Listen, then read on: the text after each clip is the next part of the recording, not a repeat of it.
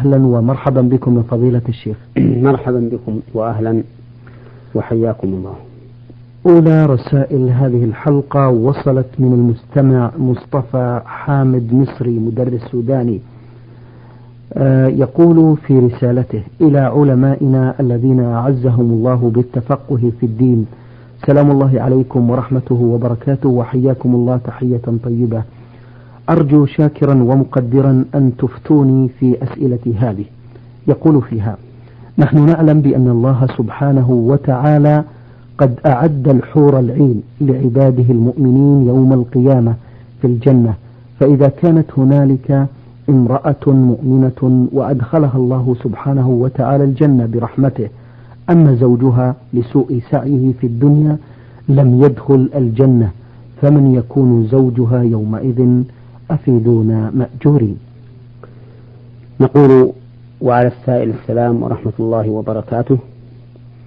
والجواب على سؤاله هذا يؤخذ من عموم قوله تعالى ولكم فيها ما تشتهي أنفسكم ولكم فيها ما تدعون نزلا من غفور رحيم. ومن قوله تعالى وفيها ما تشتهيه الأنفس وتلذ الأعين وأنتم فيها خالدون.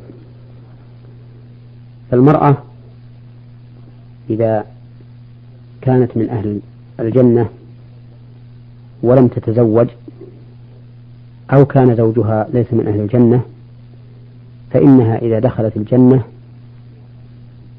فهناك من أهل الجنة من لم يتزوجوا من الرجال وهم أعني من لم يتزوجوا من الرجال لهم زوجات من الحور. ولهم زوجات من أهل الدنيا إذا شاءوا. واشتهى ذلك أنفسهم. وكذلك نقول بالنسبة للمرأة إذا لم تكن ذات زوج أو كانت ذات زوج في الدنيا ولكن زوجها لم يدخل معها الجنة إنها إذا اشتهت أن تتزوج فلا بد أن يكون لها ما تشتهيه لعموم هذه الآيات. ولا يحضرني الآن نص خاص في هذه في هذه المسألة والعلم عند الله تعالى. بارك الله فيكم.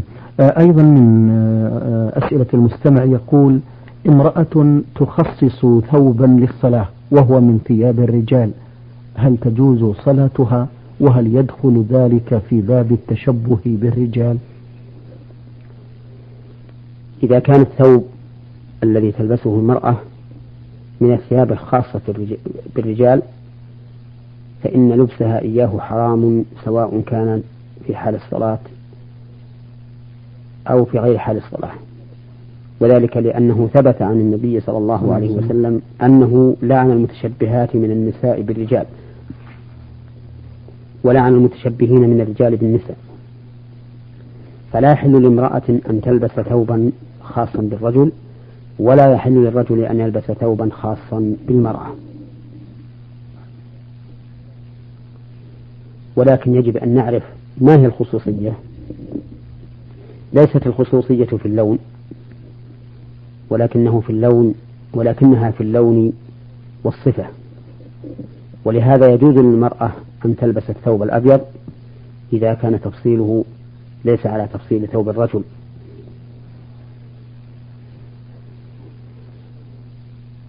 وإذا تبين أن ثوب أن لبس المرأة وإذا تبين أن لبس المرأة ثوبا يختص بالرجل حرام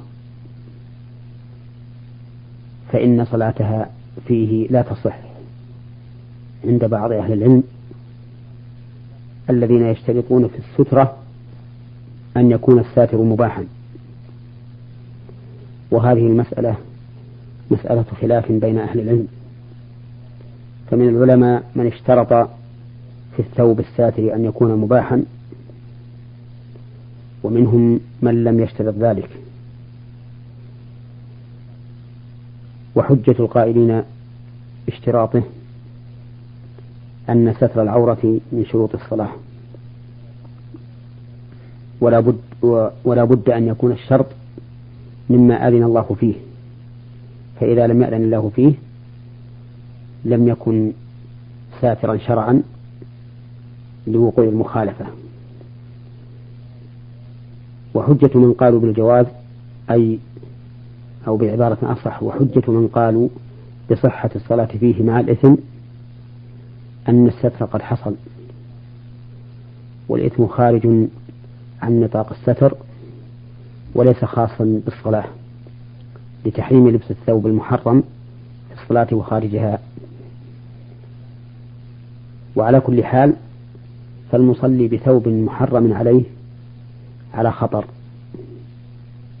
في أن ترد صلاته ولا تقبل منه. نعم. آه السؤال الأخير في رسالة المستمع يقول فيه امرأة أرادت أن توكل إنسانا ليحج لها. لعلمه وثقتها فيه بأن يؤدي المناسك كاملة ولقلة معرفتها بمناسك الحج ثم أنها تخاف على نفسها من ظروف العادة وغيرها ولكي تقوم بتربية أبنائها ومراعاتهم في البيت. هل يجوز ذلك شرعا في نظركم يا فضيلة الشيخ؟ توكيل الإنسان من يحج عنه لا يخلو من حالين. الحال الأولى أن يكون ذلك في فريضة والحال الثانية أن يكون ذلك في نافلة. فإن كان ذلك في فريضة فإنه لا يجوز أن يوكل غيره ليحج عنه ويعتمر إلا إذا كان في حال لا يتمكن بنفسه من الوصول إلى البيت لمرض مستمر لا يرجى زواله أو لكبر ونحو ذلك. فإن كان يرجى زوال هذا المرض فإنه ينتظر حتى يعافيه الله ويؤدي الحج بنفسه. وإن لم يكن لديه مانع من الحج بل كان قادرا على أن يحج بنفسه فإنه لا يحل له أن يوكل غيره في أداء النسك عنه. لأنه هو المطالب به شخصيا. قال الله تعالى ولله على الناس حج البيت من استطاع إليه سبيلا. فالعبادات يقصد بها أن يقوم الإنسان بنفسه فيها ليتم له التعبد والتذلل لله سبحانه وتعالى. ومن المعلوم أن من وكل غيره فإنه لا يحصل على هذا المعنى العظيم الذي من أجله شرعت العبادات.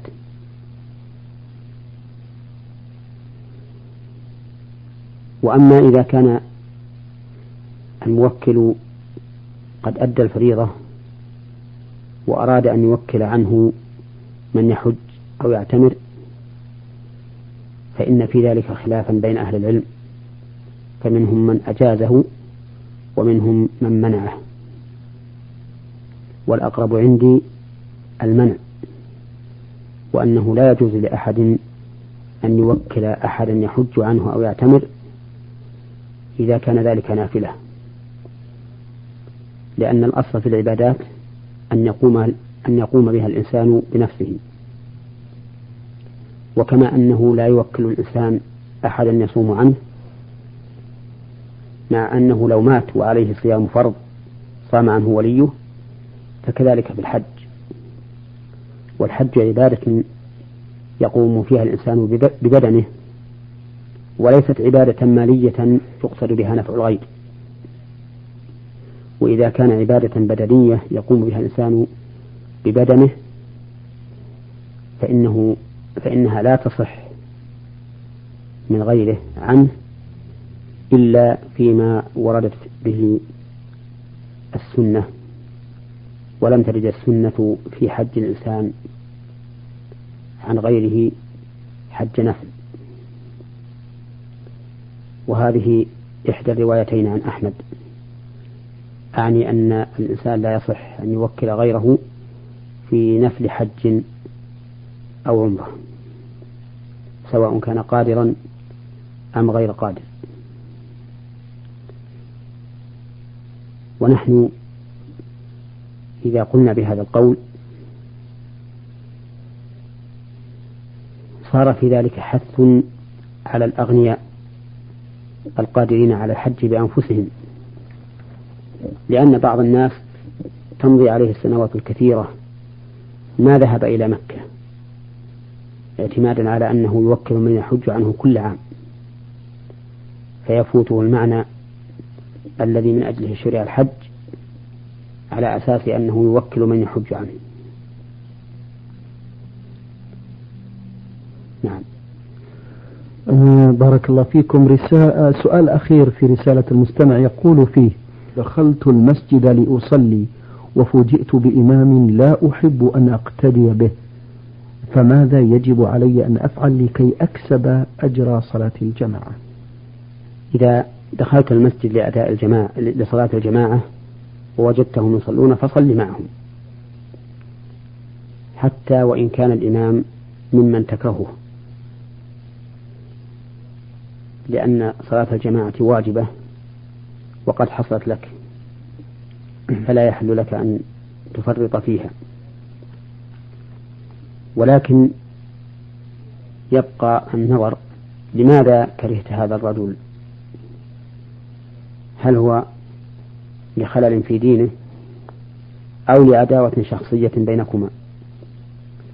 إن كان لعداوة شخصية بينكما فإن الواجب على المسلم نحو أخيه أن يزيل ما بينه وبينه من أحقاد.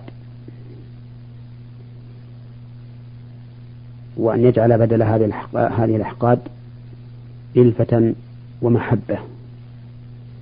لأن الله تعالى قال إنما المؤمنون إخوة. والأخوة ينافيها الحقد والعداوة والبغضاء. وبإمكان الإنسان أن يذلل كل الصعاب التي تحول بينه وبين حلول الإلفة مع إخوانه المؤمنين. وأما إذا كان كانت كراهتك له لخلل في دينه فإن الواجب عليك أن تناصحه وتبين له ذلك الخلل حتى يقوم بإصلاحه ويستقيم على أمر الله. وأما ترك الناس بعضهم بعضا إذا رأوا منهم خللا في دينهم وإضمار الحقد والعداوة لهم فإن هذا خلاف حال المؤمنين الذين قال الله فيهم كنتم خير أمة أخرجت للناس تأمرون بالمعروف وتنهون عن المنكر وتؤمنون بالله. وهذا هو الخسارة التي قال الله فيها والعصر إن الإنسان لفي خسر إلا الذين آمنوا وعملوا الصالحات وتواصوا بالحق وتواصوا بالصبر. فواجب المسلمين نحو بعضهم بعضا أن يتناصحوا فيما بينهم ويتآمروا بالمعروف ويتناهوا عن المنكر. بارك الله فيكم فضيلة الشيخ. رسالة من فوزي عبد الحميد حسن مصري الجنسية ومقيم بعمان الأردن. يقول في رسالته ما مدى صحة الحديث القائل الذي فيما معناه من بر الوالدين بعد مماتهما أن تصلي لهم مع صلاتك أن تصلي لهما مع صلاتك وأن تصوم لهما مع صيامك. هذا الحديث نعم. ضعيف. لا يصح عن النبي صلى الله عليه وسلم ولكن من بر الوالدين بعد مماتهما أن تستغفر لهما وتدعو الله لهما وتكرم صديقهما وتصل الرحم التي هم الصلة بينك وبينها. هذا من بر الوالدين بعد موتهما. وأما أن تصلي لهما مع صلاتك الصلاة الشرعية المعروفة أو أن تصوم لهما فهذا لا أصل له. نعم. آه هذا المستمع محمد عبد الحميد عبد الرحمن مواطن مصري مقيم في الدمام يقول في رسالته أرجو الإجابة عن سؤالي هذا مأجورين. في غزوة مؤتة هل كان استشهاد القادة الثلاثة زيد بن حارثة جعفر بن أبي طالب وعبد الله بن رواحة السبب الأساسي وراء هزيمة المسلمين في هذه الغزوة أم الكثرة العددية للروم وحلفائها من القبائل آه، هو السبب؟ أرجو الإفادة. السبب هو كثرة أعداء المسلمين في هذه الغزوة ولهذا لما أخذ الراية خالد بن وليد رضي الله عنه وانحاز بهم في مكان آمن قال النبي صلى الله عليه وسلم ثم أخذها خالد ففتح الله عليه أو قال فتح الله على يديه. فجعل النبي صلى الله عليه وسلم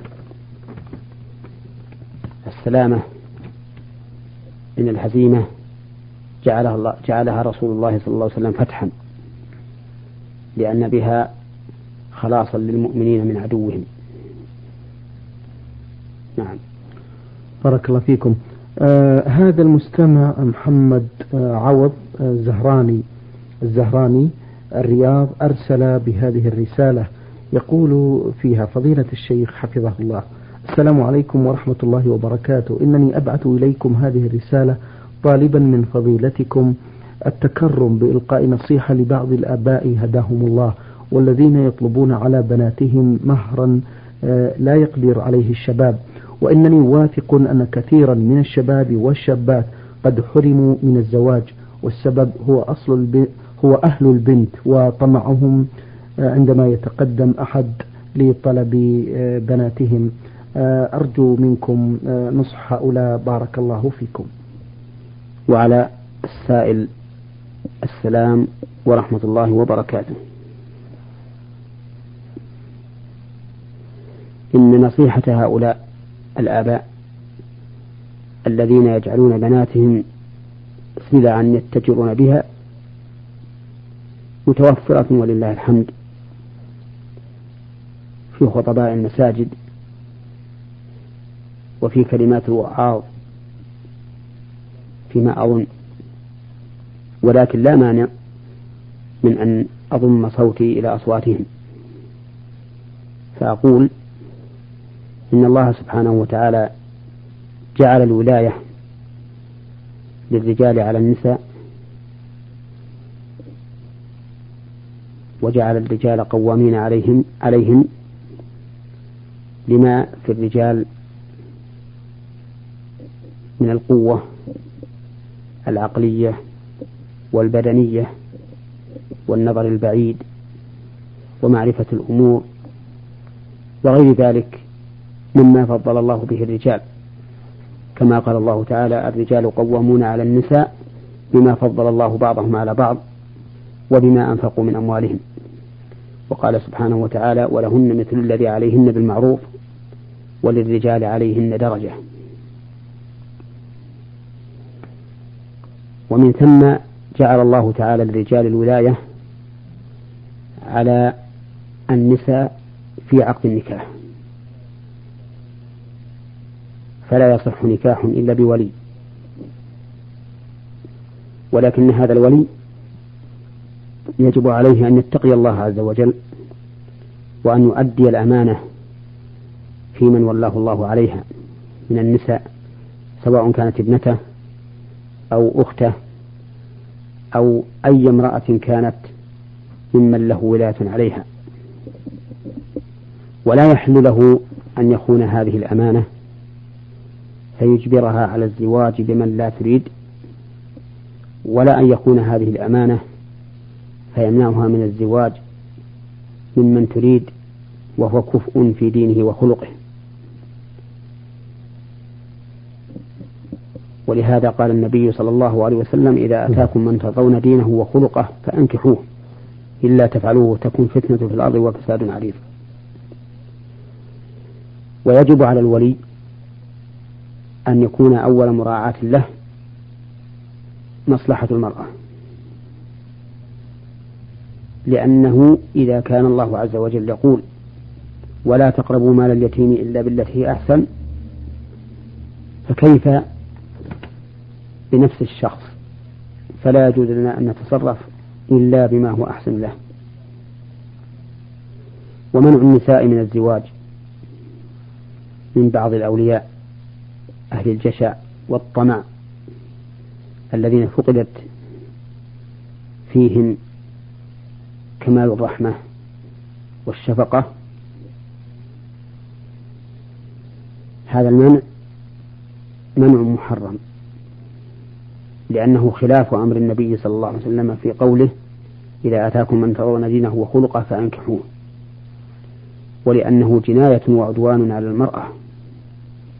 إذا خطبها من هو كفء له من هو كفء لها فمنعها منه وهي تريده.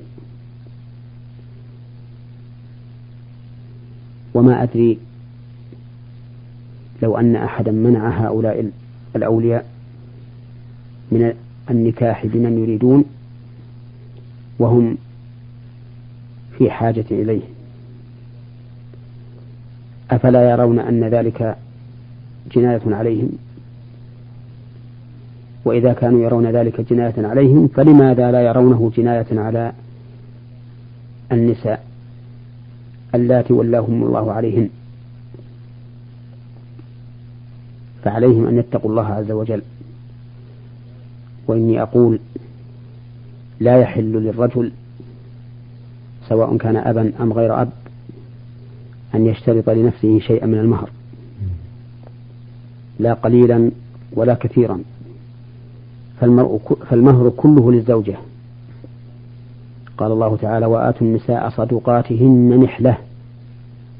فإن طبن لكم عن شيء منه نفسا فكلوه هنيئا مريئا.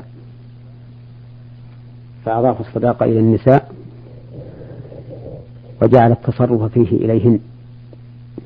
وآتوا النساء صدقاتهن نحلة. فإن طبن لكم عن شيء منه نفسا فكلوه هنيئا مريئا. فإذا كان الصداق للمرأة وهي صاحبة التصرف فيه فإنه لا يحل للرجل أعني لوليها سواء كان أبا أم غير أب أن يشترط منه شيئا لنفسه. لكن إذا تم العقد وملكت الزوجة الصداق فلأبيها أن يتملك منه ما شاء بشروط جواز التملك التي ذكرها أهل العلم ومنها أن لا يلحقها ضرر بذلك. وأما غير الأب فليس له أن يتملك من مالها ما شاء من مهرها شيئا وأما وأما غير الأب فليس له أن يتملك من مهرها شيئا إلا ما رضيت به بشرط أن تكون رشيدة. أي بالغة عاقلة تحسن التصرف في مالها وتأذن له بأخذ شيء منه. وأقول ذلك حتى ينتهي هؤلاء الجشعون الطامعون عن أخذ شيء من مهور النساء. وفي ظني والعلم عند الله أنه إذا علم الولي أنه لا حق له في المهر وأنه إذا أخذ منه قرشا واحدا على غير الوجه الشرعي فهو آثم وأكله إياه حرام. في ظني أنه إذا كان الأمر كذلك سهل على الولي أن يجيب الخاطب إذا كان كفءا ورضيت المرأة.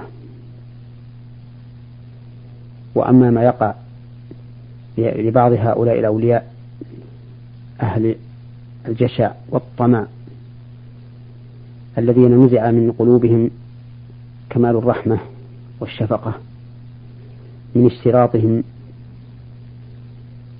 جزءا كبيرا من المهر لأنفسهم فإن ذلك حرام عليهم ولا يحل لهم. ونرجو الله سبحانه وتعالى أن ييسر حلا لهذه المشكلة المعضلة. والذي أرى في توجيه العامة أنه ينبغي أن يبدأ وجهاء البلدان وأعيانهم وأشرافهم بالنكاح بمهور قليلة ويعلن ذلك. ومن المعلوم أن العامة تبع لرؤسائهم ووجهائهم وأعيانهم. فإذا بدأ به الأعيان ونشر وقيل إن فلانا تزوج فلانة من أهل الشرف والحسبة وأن مهرها كان كذا وكذا مهرا قليلا مستطاعا لأكثر الناس فإن المسألة تنحل. أو فإن هذا يكون من أسباب, من أسباب حلها. والله الموفق آه، في نهاية هذه الحلقة نشكر الشيخ محمد بن صالح بن عثيمين الأستاذ بكلية الشريعة بالقصيم وخطيب